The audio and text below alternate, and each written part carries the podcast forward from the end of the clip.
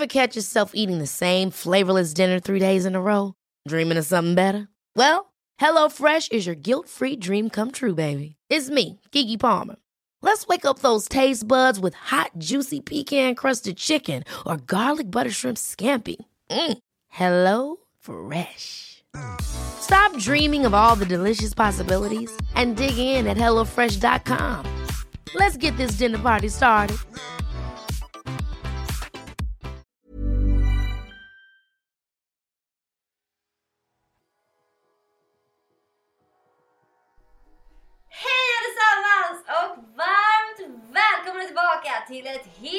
Nytt avsnitt med mig Agnes.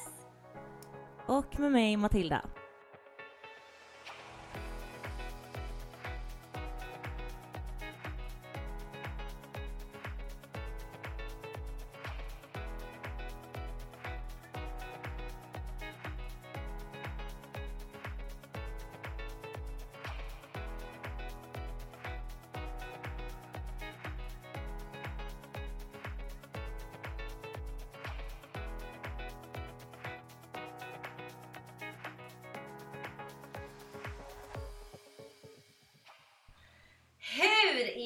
Läget med dig idag Matilda? Jo men det är jättebra tack. Eh, Vill först och främst säga att eh, jag är väldigt tacksam över eh, förra veckans respons, eller avsnittet som, eh, som släpptes där. Jag fick väldigt fin respons efter det, så det är jag väldigt tacksam över. Så det känns bra. Hur är Ja. läget själv? Nej men så så så fin respons, alltså verkligen. Vi blir så glada när ni är så engagerade. Och det är bara så himla härligt att få lov att göra det här. Jo men eh, med mig är det bra. Jag sitter hemma för tillfället på min barndomsgård på Gotland och eh, har levt mitt bästa liv här några dagar med korna, hästarna, katter, hundar och lamm och gjort ost och gjort smör och mm, byggt ett växthus och ja, jag håller på med mina grejer här. Men eh, nej men eh, jätte, jättebra.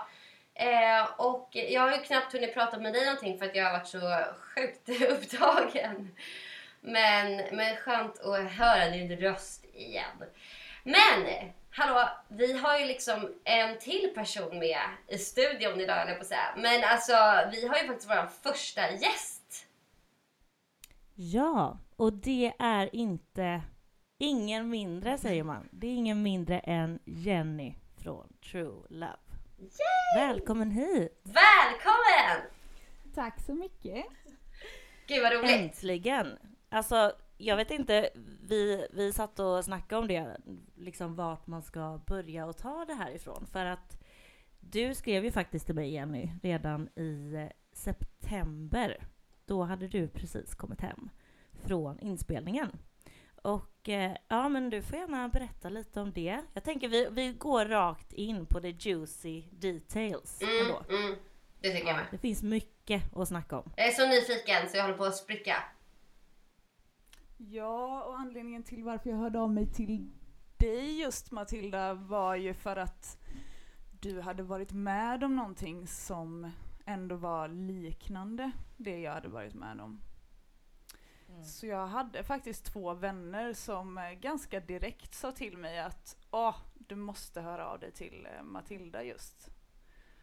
Och på den vägen är det. Eh, Ja. ja. Eh, ja men precis. Eh, så vi har verkligen hållit kontakten sedan dess och vi räknar på det också förut och det är verkligen sju månader sedan. Det känns så himla sjukt. Men vi har verkligen ja, pratat sedan dess. Eh, Ja, och vi har ju egentligen aldrig haft någon speciell kontakt ännu förutom att vi typ följer varandra lite på Instagram och lite sådär. Men vi har ju aldrig träffats. Eh, så att jag är ju supernyfiken på dig och jag har ju bara liksom sett dig då i True Love, big fan. Nej men eh, och sen dessutom följt dig liksom på Instagram och, och det känns som att eh, nej men Alltså både du och jag och Matilda har liksom en hel del gemensamma intressen och, och liksom på lite mera djupare plan och, och lite mer spirituellt liksom intresserade så. Och um, det gör ju mig supernyfiken på dig men också givetvis utifrån programmet liksom. Jag vill ju verkligen få höra din story. Och vad jag har förstått så, uh, som sagt, du hörde ju då av dig till Matilda angående liksom en väldigt, alltså egentligen en väldigt tråkig och hemsk upplevelse av programmet, vad jag har förstått. Um, och det är väl en av anledningarna till varför du ville också komma och gästa oss här, liksom för att få lov att berätta din, din story om jag förstår det rätt. Liksom. Ja, precis. Eh, det blev ju inte riktigt som jag hade tänkt mig.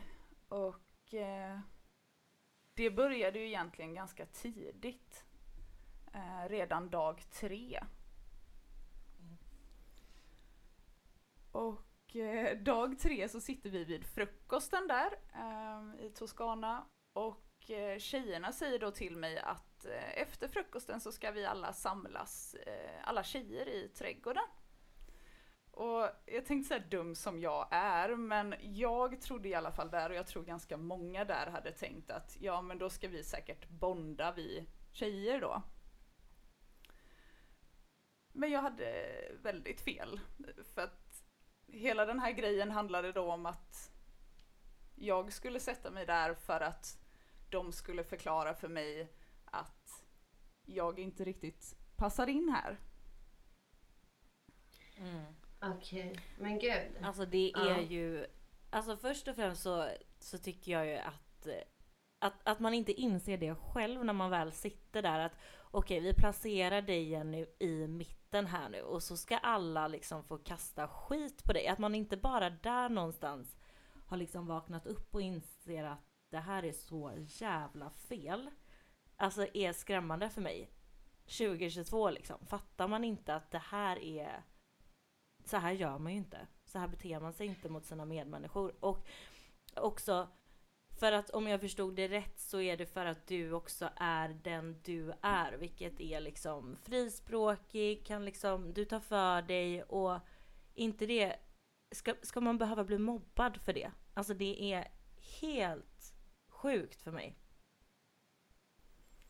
Ja, alltså jag, jag såg ju...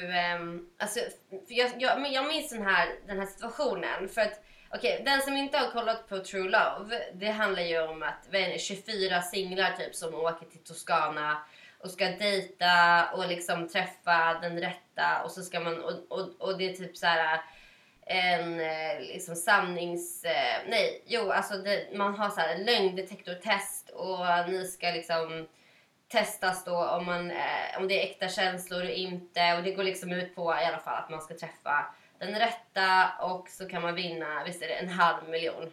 Ja, exakt. Ja. Och jag minns ju när du klev in, för du klev inte in, det, alltså du var inte med från början, du kom ju in lite senare. Ja, precis. Eller var det dag tre? Ja, nej, nej, det var dag tre av att jag var där. Ja, just det. Ja. Precis. För jag kommer ihåg, alltså scenen när du kommer in är ju så fett nice. Alltså du glider in där och är så jävla skön. Värsta så här viben och du kör ju värsta så här yogasessioner med alla och så här. Det känns som att du kommer in med typ världens lugn över hela gruppen och bara typ healande kraft liksom. Och mm, jag fick alla bara värsta rysningen små... nu. när du bara sa Vad sa du? Jag fick värsta rysningen nu. Bara när du ja, sa det. Ja men, ja, men jag minns verkligen mm. hur jag tyckte liksom att du kom in och verkligen så här, efter den här liksom, yogasessionen som du hade med alla så var det som att alla bara gick på mån och var som små lammungar och du liksom alla bara var sams och du bara fick hela gruppen och bara mysa runt. Och sen så har jag liksom fått hört i efterhand då, just den här, den här situationen du pratar om tre dagar efter när ni hamnade i den här gruppen av de här tjejerna och man ser ju väldigt, väldigt, väldigt lite av, av din egentliga upplevelse med tanke på att, alltså, för jag tänkte på det då att det var så här, det såg ut som ett ganska casual liksom, samtal som ni tjejer hade mellan varandra. Eh, men berätt, alltså, berätta, liksom, vad, vad, vad, vad sa de till dig? Liksom? Ja, alltså först så kände jag bara att eh, bara situationen var väldigt känslig för mig och det var den för att jag har ju sedan jag blev yogalärare och kom hem från Costa Rica jobbat med just kvinnocirklar. Och då snackar vi alltså cirklar där man stärker varandra som kvinnor och här blev det på något sätt eh, helt tvärtom. Att så här, vi sätter henne i mitten och så säger vi istället det vi inte tycker om med den här personen till den här personen. Jag tror det och eh, kamerapåslaget och liksom hela situationen för mig var det värsta.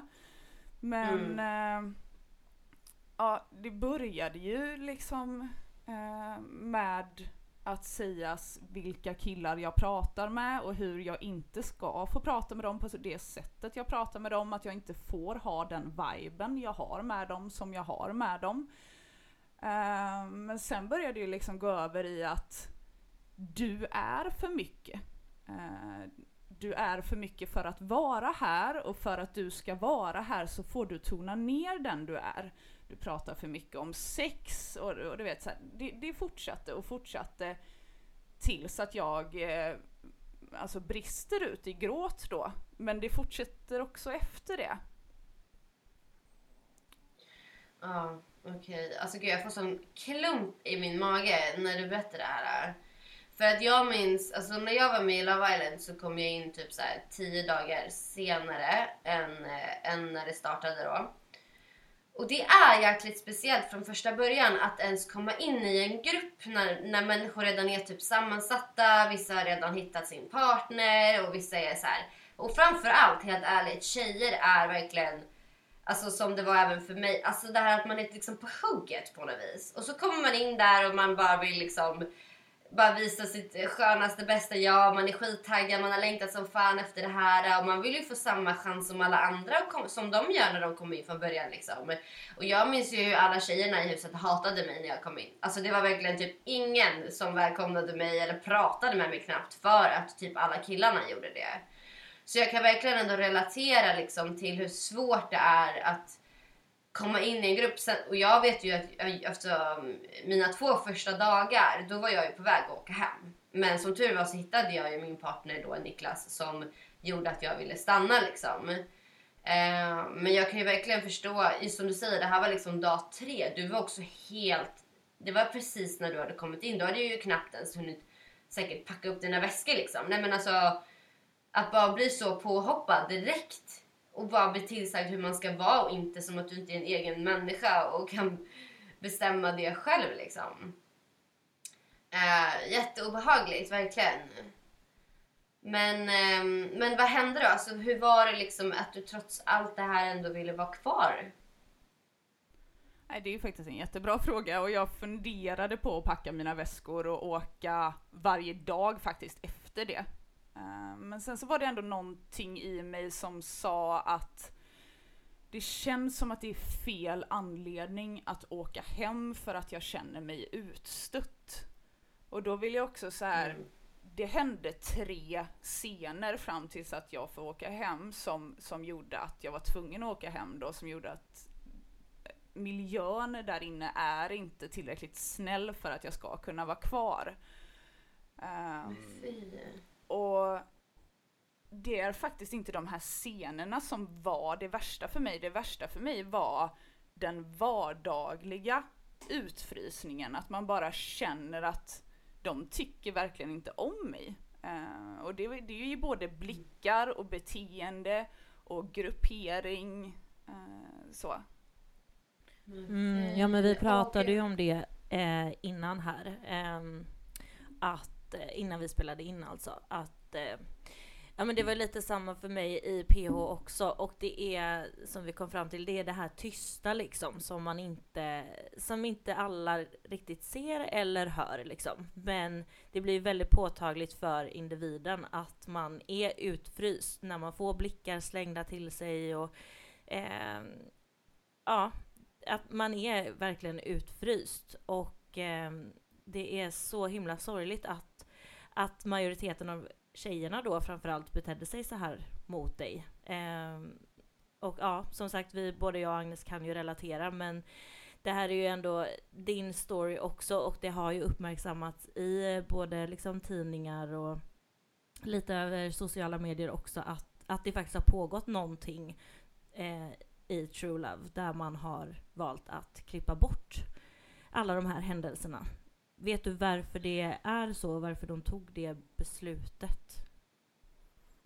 Ja, alltså True Love ville göra ett program som handlar om kärlek. Så att eh, festen, mycket av festen är bortklippt. Eh, rökning är bortklippt och även då drama som inte har med kärlek att göra är bortklippt. Men då fångar man ju inte riktigt hela, eh, hela berättelsen kring programmet ändå. För att även om det här är ett drama som, som angår dig framför allt, eller främst liksom, så är ju, har ju ändå det med programmet att göra. Det binder ju ändå samman väldigt mycket, väldigt mycket annat. Och du berättar ju en, en annan grej som hände bakom kulisserna efter ditt första, där när du eh, den här första händelsen när du satt i mitten där och skulle direkt iväg på dejt med, med Emil. Då tycker jag ju att man ser att du är ju blodsprängd i ögonen liksom. Eller rödsprängd kanske man säger. Men eh, ja, där hände lite grejer förstod jag. Ja, så det som händer när jag eh, bryter ihop där i cirkeln är att jag eh, börjar gråta väldigt mycket och springer upp i huset för att leta upp någon av killarna att prata med för att det var väl det jag kände att jag behövde då liksom. Så då pratade jag med Hampus, men eh, under tiden som jag pratar med Hampus och försöker säga vad som har hänt så bryter jag ihop så pass mycket att produktionen säger att de måste eh, ta ut mig från huset. Och det gör de då och lägger mig på en lastpall utanför under ett olivträd och försöker liksom peppa upp mig för att om en timme ungefär så kommer ju min dejt in i huset. Um, så där var det bara att torka tårarna, sminka sig igen och uh, gå på dejt. Mm. Ja, men okay. eh, hur var den här... Eh, ja, det är ju fruktansvärt ens. Alltså jag tycker ju att eh, också om man har valt att inte ta med allt det här. Alltså hur man kunde låta det gå så långt. Alltså det är väl det jag inte riktigt kan, kan greppa. Men, eh, men eh, i alla fall, hur var, hur var den här dejten då? Med, med Emil? Ja, alltså dejten blir ganska stel och eh, Emil hade ju förstått och eh, på något sätt fått lite information att det har ju hänt någonting. Så han förstod ju att det var någonting och jag fick ju förklarat också på vårt rum vad som hade hänt. Eh, men det som Matilda fiskar lite efter här är ju att eh, de har ju klippt bort min och Emils kyss. Va? Varför det? Jo, för att Emil han får ju panik över att jag är så ledsen. Uh, så att han, han vet liksom inte vad han ska göra. Och det här tycker jag är så gulligt för att det, det känns lite typiskt uh, kille eller man att så här, jag vet inte vad jag ska säga så jag pussar henne istället. Uh, och det var så himla gulligt i, i det här momentet liksom. Men det är ju bortklippt för att det hade ju också att göra med det dramat liksom. Ja, att du var ledsen liksom. Ja. Men det här, den här situationen är alltså samma dag som den här liksom ringhändelsen med de här tjejerna eller? Ja, ja, alltså allt detta är ju inom samma två timmar. Men gud! Men alltså det som ekar liksom så frågor i mitt huvud är ju så här, för det första tänker jag så här, varför var det liksom inga deltagare som typ gick in emellan och bara så här, vänta lite nu, fast vad fan håller ni på med? Och nummer två som dyker upp är så här, varför kommer inte produktionen in och säger så här, stopp liksom, så här beter man sig inte. Jag pratade med alla killar efteråt och eh, enligt killarna så var de emot att tjejerna skulle ta upp detta på det här sättet med mig. Så de var ju inte för det här om man säger så. Men okay. eh, sen så tycker jag, jag tycker det är konstigt och Aftonbladet som intervjuade mig nu tycker också det är väldigt konstigt att som produktion om man vet om att vi vill inte ha med drama, varför låter man det gå till verkligen sista brytet innan man avbryter en sån här sak? Verkligen. Verkligen. Mm, Ehm, ja men för som sagt, det är ju inte bara denna händelsen. Ehm, vad var det mer som, som du blev utsatt för där inne? Bortsett då från det här tysta liksom som var konstant. Men, men du menar ju på att det är liksom tre specifika händelser ändå. Vad var det som hände mer? Mm, så nästa situation var när Sara och Patrice ska ut på den här båten. Och eh, jag eh, hejade ju på Patrice. Eh, Jag vet inte varför, men jag ville verkligen att eh, han skulle vinna. Alltså jag fick så nära relation med honom och jag fick en känsla av att så här, åh, han hade verkligen behövt vinna. Så. Ehm, så när vi får reda på, eller när högtalaren säger att Patrice och Sara har valt att stanna kvar på den här båten. Då säger jag lite tyst, jag visste det. Så säger jag. Sen så kan man ju se på TV att det är ganska många som reagerar över det här. Någon flyger upp och bara "Åh, Patrice och en annan liksom. Så att jag, se, jag, jag kan ju själv se att alla reagerar ju, det är ju inte bara jag som säger någonting där. Men att jag säger jag visste det eh, fick då tjejerna att eh, ja, brusa upp rejält en gång till. Så de går upp på ett rum, pratar om mig och sen går en av tjejerna ner och skäller ut mig och skriker att jag är en vidrig jävla människa. Nej. Men gud. För, men aha, varför det liksom? Vad- Men detta fick jag också förklarat av några av killarna efteråt att så här, har tjejerna redan bestämt sig för att inte tycka om dig, då kommer ju allt du säger att på något sätt sättas emot dig. Men det är ju där jag tycker då att så här, ja men det kan ju killarna säga till dig när de är med dig. Men varför gör man inte det liksom i stundens hetta för? Och går emellan och bara så här, vänta lite nu. Liksom bete er. Man kan, man kan ha olika åsikter om saker. Det tycker jag absolut att alla människor har rätt till. Och man får tycka och tänka och känna och uppleva saker.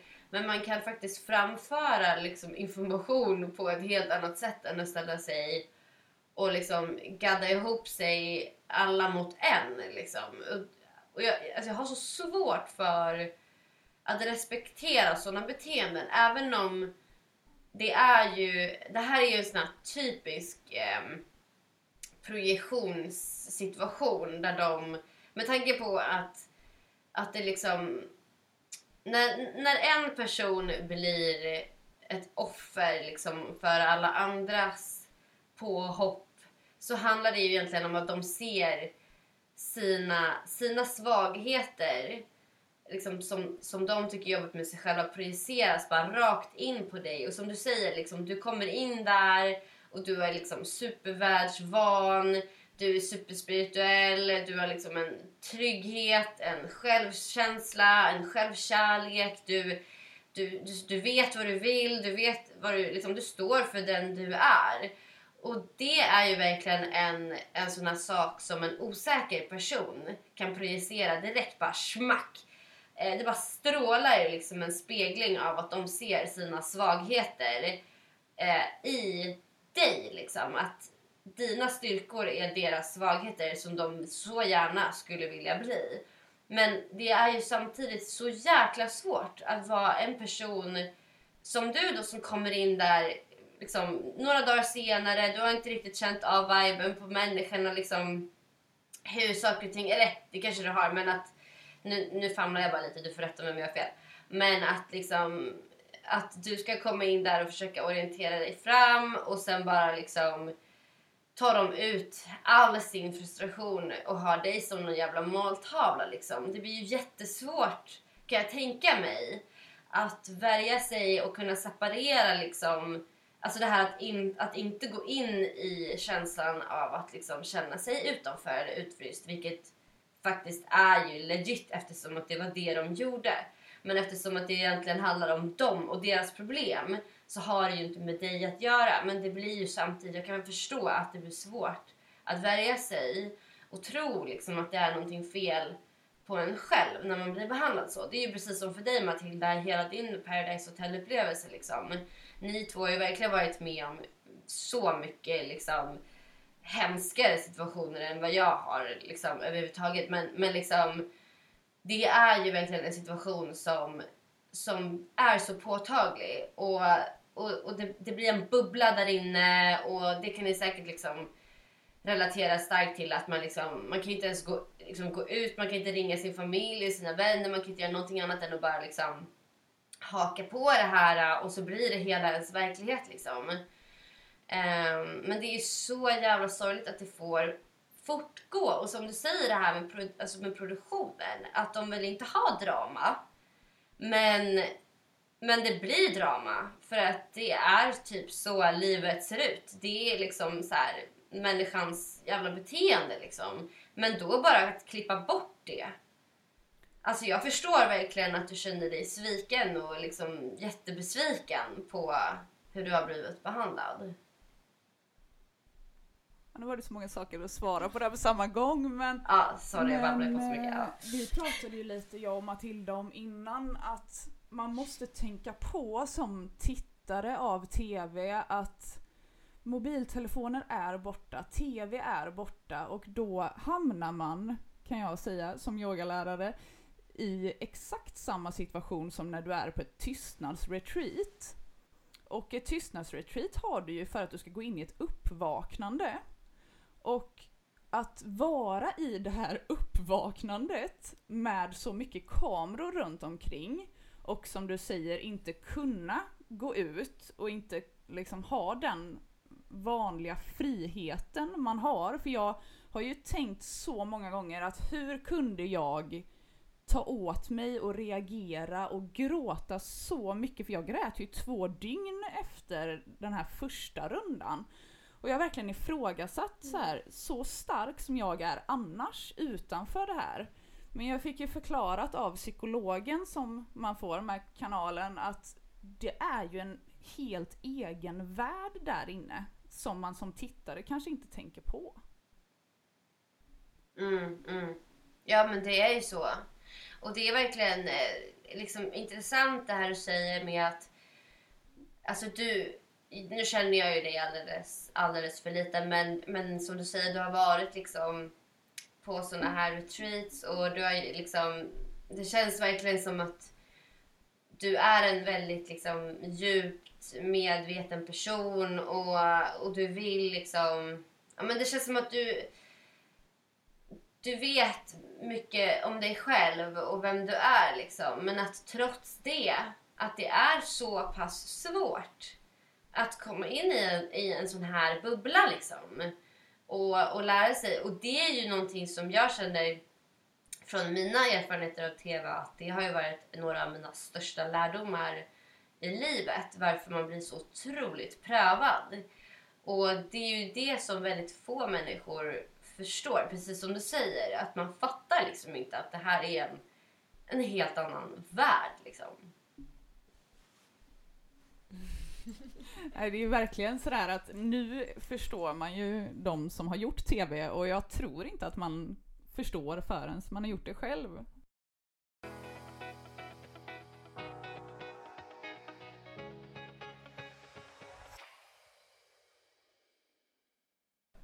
Den tredje händelsen som också gör att jag eh, får åka till en annan stad och bo på hotellrum.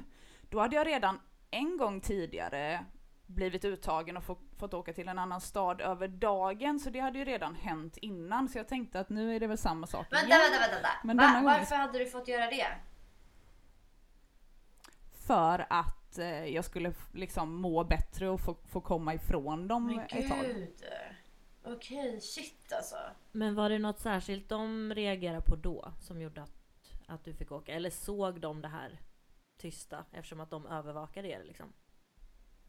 Första gången så var det att de kände att nej men alltså, hon mår ju inte bra av att vara här inne, hon måste bara se att det finns en värld utanför. Så då tog de ut mig över en hel dag till en annan stad då. Men det kan kanske också få någon att förstå eh, hur pass illa det var om man måste ta ut någon och sätta den i en annan stad över dagen för att ta tillbaka Ja, den. Liksom. verkligen. Det får absolut mig att förstå. Alltså, för fan vad hemskt. Ja, så sista gången då, då fick jag bo på hotellrum.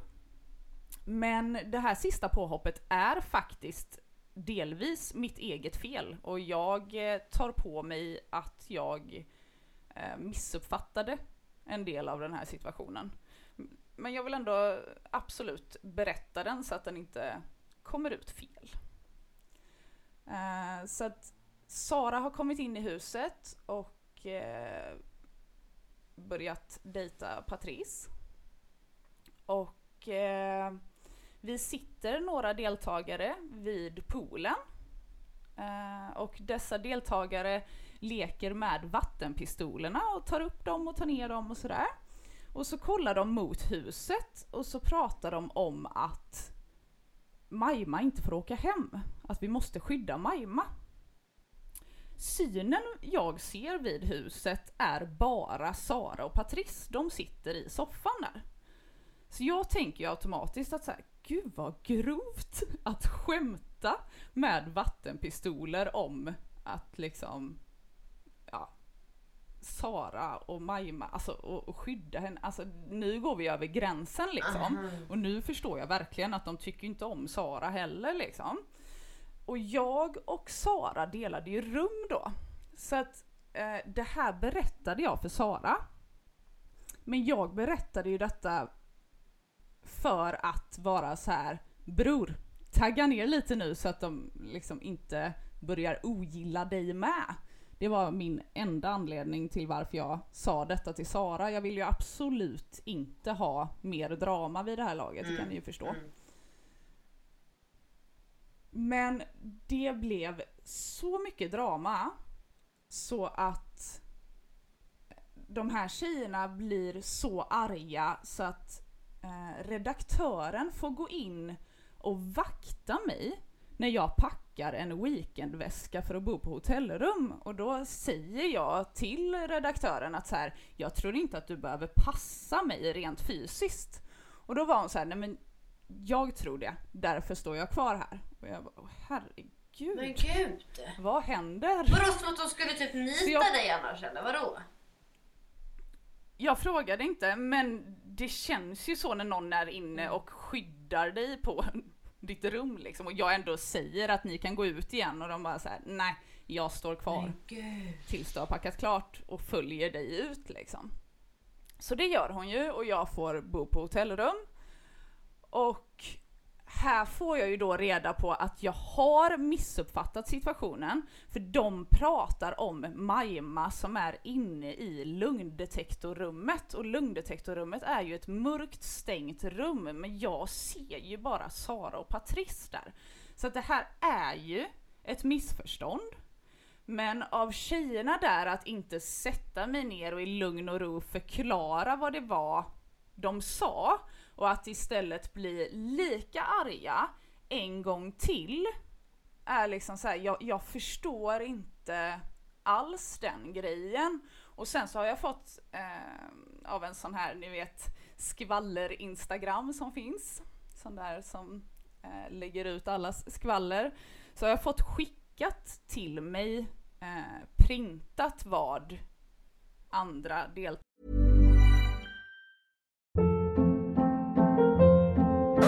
Hold up. What was that? Boring. No flavor. That was as bad as those leftovers you ate all week. Kiki Palmer here, and it's time to say hello to something fresh and guilt-free. Hello Fresh. Jazz up dinner with pecan-crusted chicken or garlic butter shrimp scampi. Now that's music to my mouth. Hello Fresh. Let's get this dinner party started. Discover all the delicious possibilities at hellofresh.com. Nice. Yeah.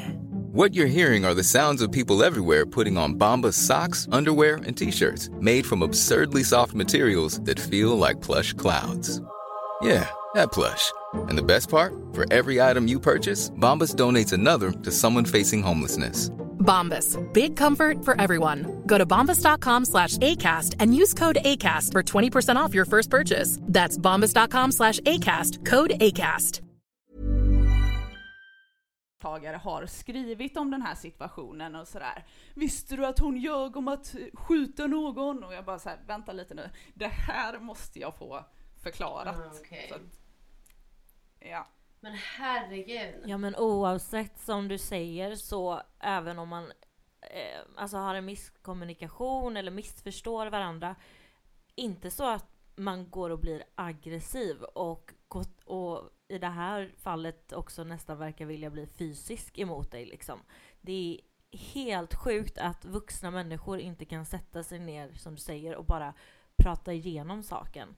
Alltså Nej, jag undrar vad det här är för människor faktiskt. Jag blir livrädd. Ja för den här uppfattningen, alltså som jag, jag har ju verkligen kollat på det här programmet superintensivt eh, intensivt höll jag på att säga, men verkligen eh, följt det här liksom. Och den här uppfattningen har man ju inte av någon av deltagarna. Alltså det känns ju som att det är väldigt så här lugna och snälla och fina personer och liksom att det skulle vara såna här typer av bråk. Det har de ju verkligen klippt jävligt snyggt i så fall. Och jag menar att du ens skulle behöva åka iväg och liksom bo på ett hotell och sova borta. Alltså det är ju faktiskt så...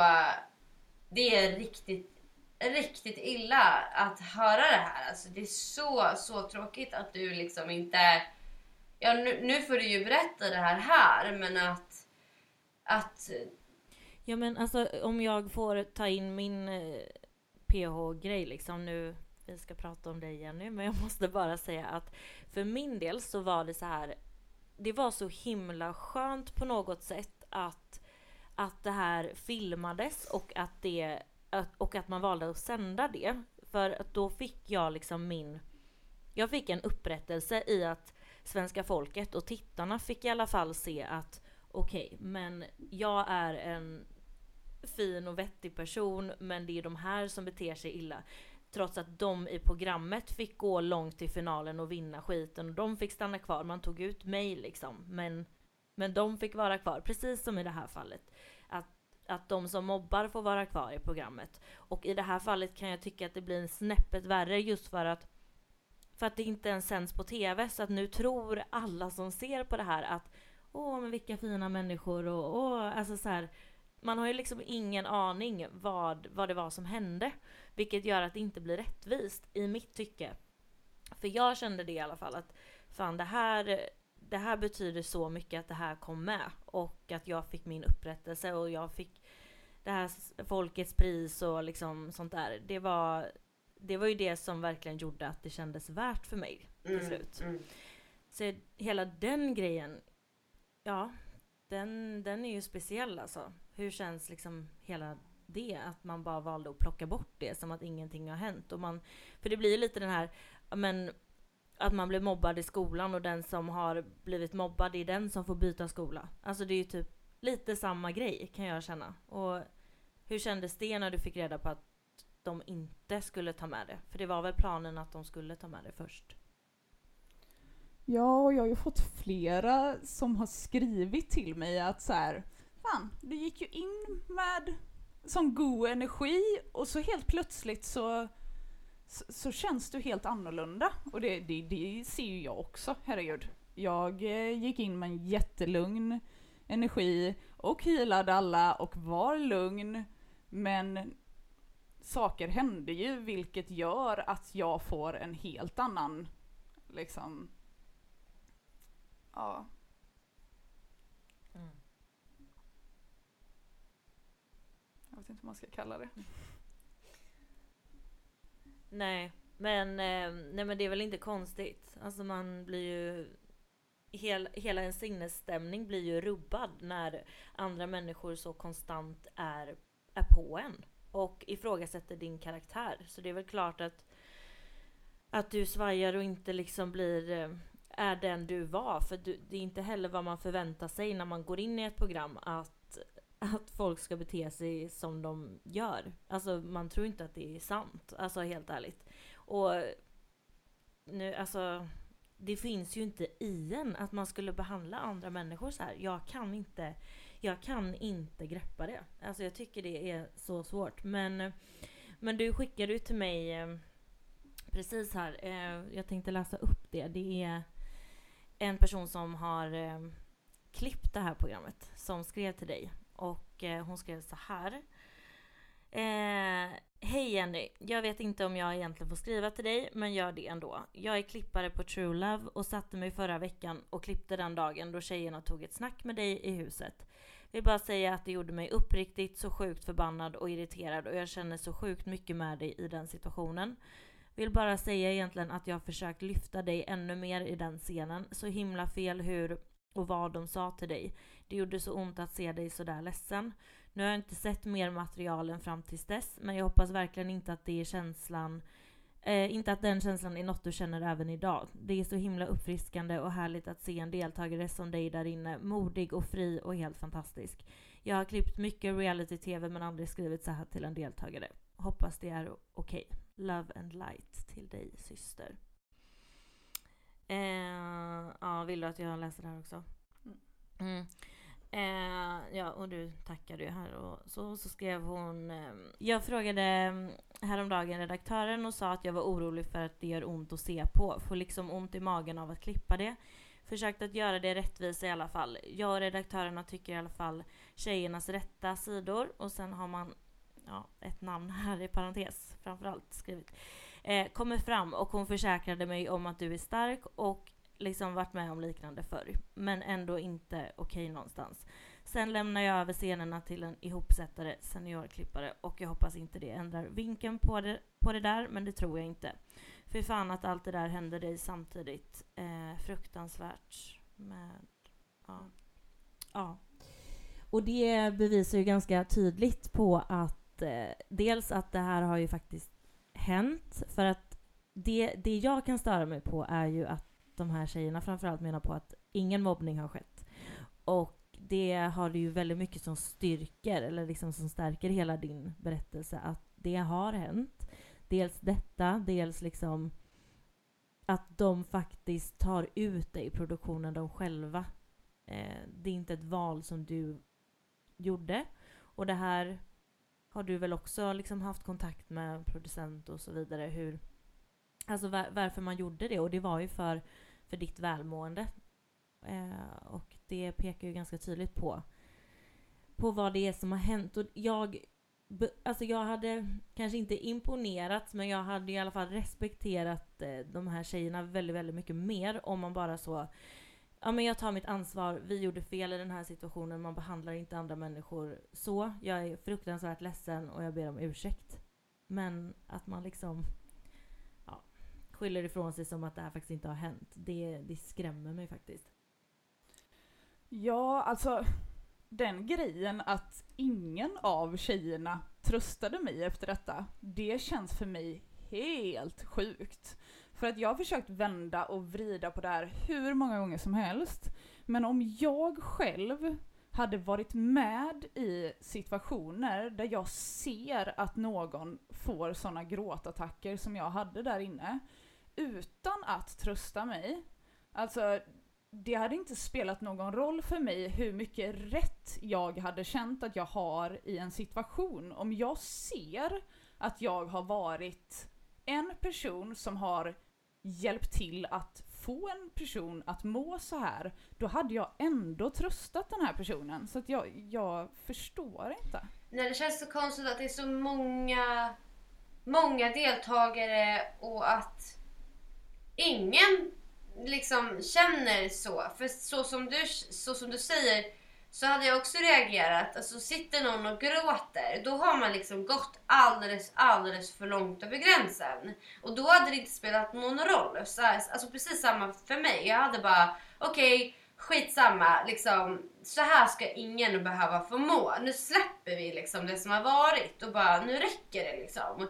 Och det är jättekonstigt tycker jag när det är så många olika människor från olika, liksom, ja, men som, som inte ens känner varandra från början. Liksom. Ni kommer ju från helt olika håll. Eh, och att ingen liksom känner så att bara, men vänta nu, stopp, nu räcker det. Nej, men eh, det är ju alltså omänskligt skulle jag säga. Alltså det är ju en reaktion, ja men som du säger, det är klart att man reagerar så. Ingen ska väl sitta och må så jävla dåligt verkligen. Um, nej, jag har inga ord för det faktiskt. Men eh, som vi var inne på så var det ju att de, alltså produktionen tog ju ändå ut dig. Fast man väljer att säga att eh, Jenny har valt att lämna och eh, vi önskar henne lycka till och hitta kärleken på annan. Ja. Eh, liksom, hur, hur gick allt det till? För du var på det här hotellrummet då och så fick du reda på att du i princip inte får komma tillbaka eller? Ja, jag är ju på mitt hotellrum och jag var ju redo att gå in igen. Men eh, först fick jag reda på att jag måste vänta tills Sara och Patrice kommer tillbaka. Så att de säkert är i huset när jag är tillbaka. Och bara den grejen för mig är ganska sjuk. Att så här, vi måste vänta på två personer för att det ska vara säkert för henne att gå in. Och det bara, bara där blir man ju så här, va? Men så väntade jag på det och så fick jag bo en natt till. Och sen då så kommer producenten till mitt hotellrum och han är ju ledsen när han ska förklara detta för mig.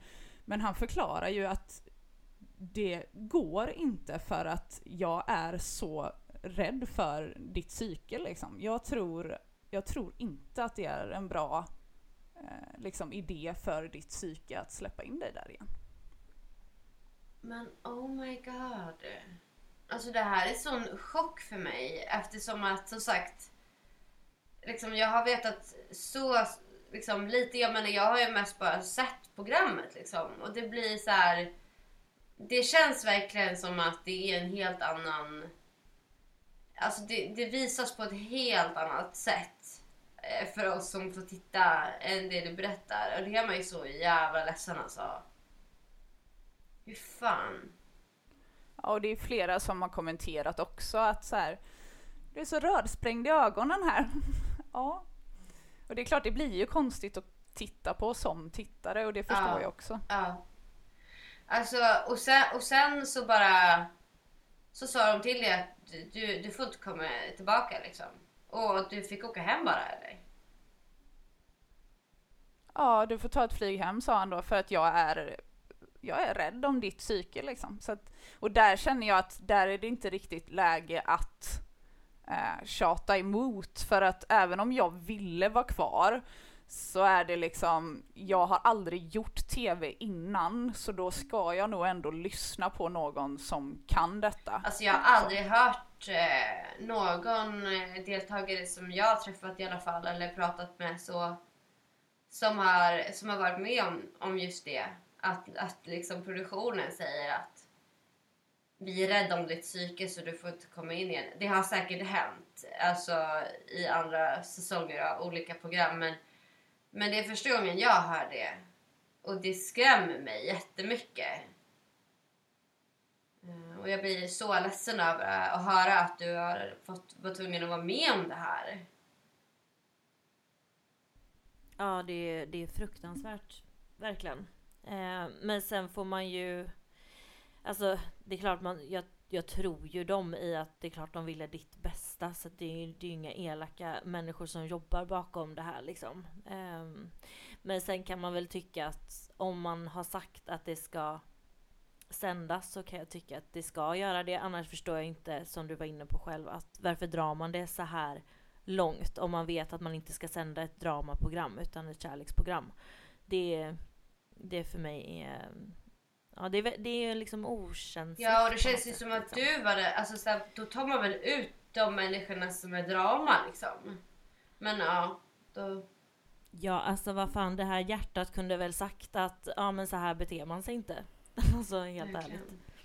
Än att tvärtom, att du har valt ja. att åka hem. Nej, jag tycker man kunde, man kunde ju ha markerat att det här inte är, är rätt för att det hade ju också synkat ihop hela programmet mycket, mycket mer om det här kom med också. Så då hade det bara blivit bättre om det fick vara med Eh, men att man liksom tog ut de som har betett sig illa. Men ja, visst, det, då blir det ju inte så som liksom producenter och programmet, alltså det är ju inte programidén heller. De, det var säkert ganska många avgörande deltagare som liksom betedde sig riktigt dåligt eftersom det var majoriteten av tjejerna. Så att jag förstår att de hamnar i en sitt som inte är så jävla nice heller. Men ja, det känns som man hade kunnat göra det på ett annat sätt. Det här. Men ska vi gå in på typ lyssnarfrågor? Mm. Eller? Ska du ta Eh, ja, dem men eller? vi har faktiskt frågat våra följare lite grann på våran podd, eller våran podd-Instagram. Och det är några som har ställt lite frågor och um, vi ska se här, jag ska bara hitta dem. Där har vi dem. Um, så jag tänkte att vi kunde ju liksom, innan vi kör våra quotes, så kan vi avrunda med lite frågor från våra lyssnare då. Eh, och då börjar vi med bästa och sämsta minne från huset. Ja, alltså det sämsta minnet är nog den här dag tre ändå. För att jag hade en så god känsla och tyckte verkligen om att vara där fram tills att det hände. Så det får jag Mm. nog ändå säga att det var den sämsta situationen. Den bästa är en bortklippt twerkkväll med Patrice till Pony-låten och det är synd att den är borta också. Oj, det låter spännande. Alltså jag är ju low key lite Ja. kär i Patrice alltså. Jag förstår det. Ja, nej, men Ni hade passat bra ihop. Okej, nästa fråga. Eh, skulle du velat försökt med någon annan i huset? Alltså kärleksmässigt då? Ja, alltså jag var ganska säker på att det är inte riktigt någon som är min typ som, som var med. Men när min pappa kollade på detta så var han helt sådär, men varför valde du inte bara Emil? Och när jag själv kollar så fick jag lite också den känslan. Och sedan skrev Emil likadant till mig att så här, varför valde vi inte bara varandra? Så hade jag gjort om det så hade jag absolut valt Åh, Emil. vad fint. Okej. Eh, då kör vi nästa. Eh, om du ser tillbaka på tiden i huset, skulle du gått in mer för det? Absolut inte. Jag skulle gått in mindre för att jag trodde ju att det var okej att jag kom in och tog för mig. Men det visade sig att det absolut inte var. Så att skulle jag göra det igen skulle jag ha en eh, mycket lugnare tillbakåtlutad eh, ja, vibe. Okej. Ehm, nästa fråga är, eh, ångrar du din medverkan? Jag tänkte på frågan när jag åkte tåget till Göteborg idag och jag svarar ja på den frågan. Ja. Åh gud vad tråkigt att du känner så. Alltså det har skapat så mycket depression hos mig att det absolut inte var värt det. Är det sant? Fy fan vad tråkigt att höra. Usch. Ja. Men, jag, jag, men med det du har berättat, alltså jag, jag förstår verkligen. Ehm, och det är... Det Ja, är du är så så tufft. stark som bara sitter och pratar om det här eh, nu. Ehm, och ja, jag förstår att det är känsligt liksom. Det, det är det inte andra människor förstår. Att det är, mm, ord sätter sig, handlingar sätter sig, alltså sånt här. Alltså det, det sätter sig i själen. Alltså det gör verkligen det. Här kommer man in och har packat sina väskor och är beredd på ett livsäventyr och andra människor har mage till att förstöra hela den upplevelsen för en. Alltså, det är inte så att man blickar tillbaka på det och känner åh vad underbart liksom. Det här skulle ju vara en sån grej för dig liksom. Och så men ja, det är, det är inte ditt fel. Alltså det är verkligen inte det och det är därför jag kände direkt när du skrev till mig att bara alltså wow, jag måste ta emot henne med öppna armar verkligen. Um, alltså jag vet hur det känns. Och sen om jag, jag har inte gått i dina skor i, i det här, men det är otroligt starkt att, eh, att öppna upp sig om det. Och eh, jag lovar att det hjälper så många andra människor. Och eh, ja, det var bara självklart att du skulle få berätta hela din berättelse. Alltså, självklart. Verkligen. Um, det är en del frågor som är typ så här, hur upplevde hon, eller hur upplevde du stämningen mellan deltagarna? Och lite så här, hur var tjejernas kontra killarnas attityd och varför tror du att det är så? Um, och det känns ju som att, ja, det är en del frågor om det. Och det känns ju som att du har svarat på det tidigare. Men en, eh, en fråga var, var det väntat vem som vann? För mig var det väldigt väntat för att jag analyserar ju allting där inne. Jag tycker det är så roligt överlag att analysera människor men eh, här analyserade jag ju tantrakemi, jag analyserar stjärntecken och jag analyserar mindset så att mm, det blir svårt att slå två tvillingar och det är Sara och Patrice. Gemini. Och jag Jag passar också väldigt det. bra med tvilling då, så att eh, ja. Det, ja. Exakt. Om Patrice nu är singel. Aha, jag hann Ja, han är det? Jo men det tror jag. Aha. Aj, aj, aj, aj, Ja, aj. man har ju absolut slidat in lite grann. Nej. Jo, men det... Ja, fast jag har sett att du har typ likat alla hans bilder på Instagram. Nej, nu överdriver du. Okej, vi kör en sista fråga. Fast vi har faktiskt en fråga om, om honom. Ja, det, ja ta den nu. Hur är din relation idag med Patrice? Du verkade ha det fint på honom i villan. Ja, min relation med Patrice idag är precis lika bra som den var i villan och eh, vi hade en ännu bättre relation än det man fick se på TV så det är bara synd att allting inte fick komma med. Men eh, vi undrade faktiskt själva varför vi hade en så stark vibe och vi hade liksom samma språk när vi pratade ibland och sådär. Men det visade sig att vi hade samma väldigt, väldigt nära vän hemma. Så det var därför. Mm. Ja, spännande. Då är det du som wingar Matilda här. Ja, tack gärna. ja. Okej, men jag tänkte att vi skulle ta en sista fråga som är Vad tar du med dig för lärdom från programmet?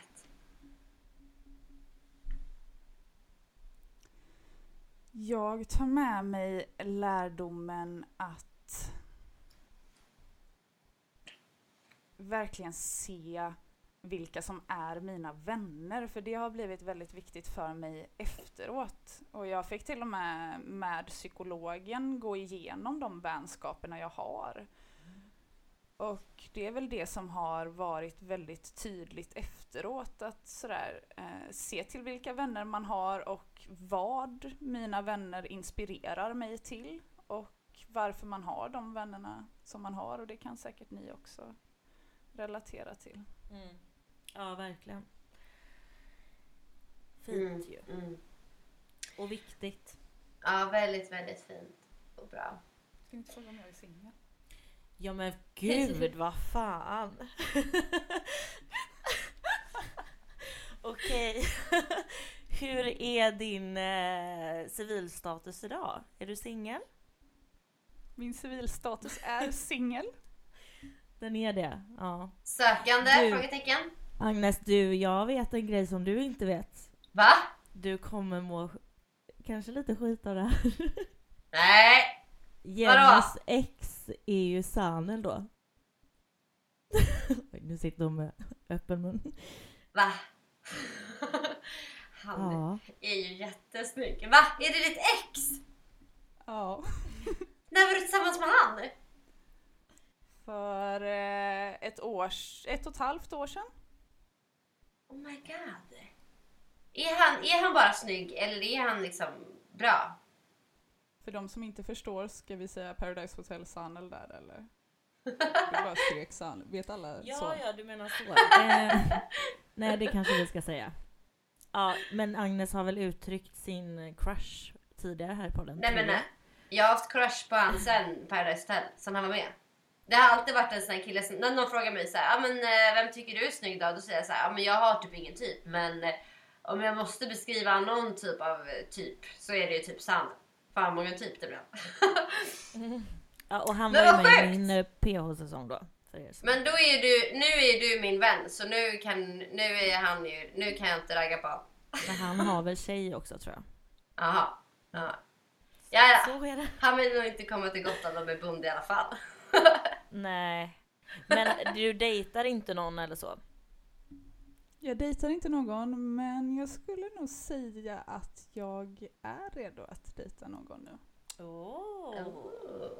Har Det är du någon typ då? Kontaktannons nu. Ja. När du sa kontakt så tänkte jag direkt kontakt med sina känslor, för det är min typ. Ja. Mm. Så skulle jag säga.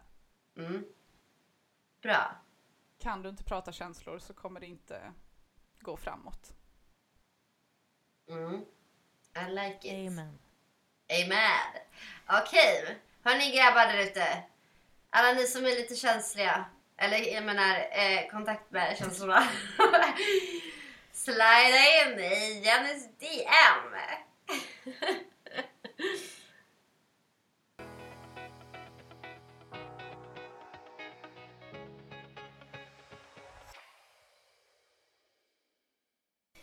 Ja, ska vi gå vidare till eh, våra quotes igen? Ni har ju varit så duktig på att förberett detta innan oss till och med. Inför Ja. dagens avsnitt. Så um, ska vi låta gästen få börja kanske? Det tycker jag. Ja, kör hårt. Ja, alltså jag hörde min i en ljudbok som jag lyssnade på igår, så därför tänkte jag att sådär, mm, då är det nog meningen att den ska vara med här också. Och den handlar om rädsla. Så om det är någon som känner sig lite rädd i livet så kommer det en bra quote om rädsla här. I will not fear. Fear is a mind killer. I will face my fear. I will let it pass through me. Where the fear has gone, there shall be nothing. Only I will remain. Åh, jag älskade det. Mm, Gud vad fint. fint. Mm. Jättebra. Jättebra verkligen. Mm, mm. Nej, men jag älskar det där. Jag tänker så ofta på det. Eh, jag är faktiskt Ja. en person som ofta är väldigt rädd, men, men jag är också väldigt modig. Så jag brukar ofta verkligen märka av min rädsla och precis som du sa, liksom, låt den, alltså att fejsa den och bara låta den komma och gå igenom den. Nej men jättefint. I love it. Same here, same here. Men eh, jag tar vidare stafettpinnen här och eh, ja, den här talade till mig idag eh, extra mycket. Och det står eh, People be so jealous of you because your character carries more weight than their title. Sen står det Read that again. För att man ska verkligen förstå. Och det är ju faktiskt så. Alltså det som har skett här Alltså det kan man ju bara liksom, man kan ju liksom, vad heter det? Sum up, vad heter det? Summera. Summera, gud, international. Ja, nej men eh, man kan ju eh, summera hela den här händelsen egentligen och eh, vad du var inne på, projektioner, alltså man, det, det grundar sig någonstans i en avundsjuka. Du har någonting som triggar någonting i, i de här människorna. Och eh, jag, jag tror att det verkligen är en grund till varför folk är så elaka mot varandra. Ehm, och eh, det är för att man har en jävla stark karaktär och många klarar inte det. Och så är Mm. det. Mm. Så det hade jag att säga. Det håller jag med dig så, så mycket om. Alltså jag hade egentligen valt ett eh, quote. Jag tror, men så kände jag, nja, jag kanske ändrar mig. Men så kände jag nog att jag tar det i alla fall. Vi har ju den härliga Dalai Lama. Jag tycker ju att han är grym. Så det är ett quote ifrån honom. Och den lyder så här. When you think everything is someone else's fault, you will suffer a lot. When you realize that everything springs from your eh, only from yourself, you will learn both peace and joy. Dalai Lama. Och jag älskar det här quotet. Jag tänker på det här så, så, så ofta. Det säger jag efter, efter varje quote jag läser upp. Men, eh, men jag jobbar jätte- jättemycket med liksom, att lära mig att inte liksom... Nej men att försöka gå allting som jag känner och upplever är via mig själv. Och att allting som händer runt omkring mig det handlar inte om mig. Och det kan man ju också dra en del av det här som vi har pratat om idag. Återigen, liksom lite tidigare sa Matilda också att, att det människor gör runt omkring en är ofta projektioner. Och att för att hitta liksom sin egna glädje och lycka och sin peace liksom. Um, så att liksom ta kontrollen. Och precis som du sa Jenny med att liksom våga att låta sin rädsla, alltså att möta sin rädsla liksom i sig själv. Och, um, Ja, men det är lär man sig jag- att allt, alltså lär man sig att allt är projektioner så lär man ju sig också att inte ta någonting personligt till slut liksom. Och det, är Mm, väl, mm. det är väl lite det. Det är ju som de eh, största filosoferna brukar säga liksom att man desto mer man lär sig om saker och ting desto mer inser man att man typ inte vet någonting om någonting och att allting är bara här och nu liksom och i mig själv och um, ja, jag tycker det är en viktig lärdom för mig i alla fall. Ja, jättefint. Är det någonting mer som du känner att du vill lyfta här i dagens avsnitt? Eller ska vi runda av? Ja, men vi rundar av va? Tror jag. Mm, tack Ja, för ett jättebra avsnitt Jenny. Tack för att du har gästat. Tack för att jag fick Mm. vara med. Älskar eran podd. Nej men du är så söt. Vi blir så glada. Verkligen. Ja, jätte, jätte, jättekul att du ville vara med och jag är supertacksam att du delar med dig och jag har ju inte fått träffa dig än men eh, nästan nu i alla fall. ja. Men du, vad heter du på Instagram för alla killar som ska slida in och alla andra som vill följa dig? Je- Jenny Dinovi. Toppen, där hittar ni henne. Har du någon annan sociala medier som du vill att folk ska följa dig på? Min Snapchat är roligare än min Instagram. Nej, det är sant. Heter du samma där? Jag heter likadant där. Okej. Ja, då är det jag vi som lägger till.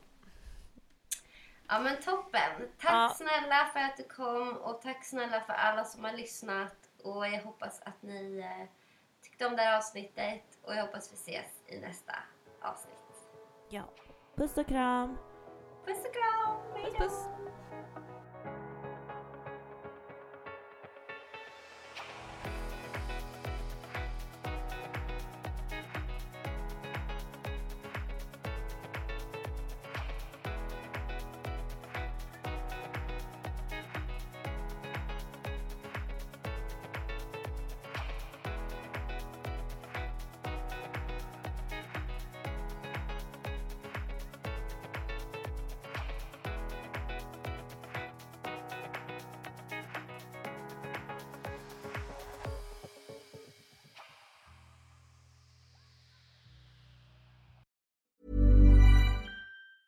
Planning for your next trip?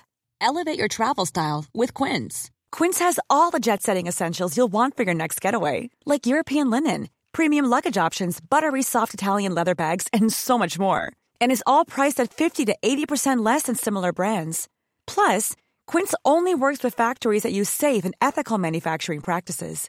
Pack your bags with high-quality essentials you'll be wearing for vacations to come with Quince. Go to quince.com slash pack for free shipping and 365-day returns.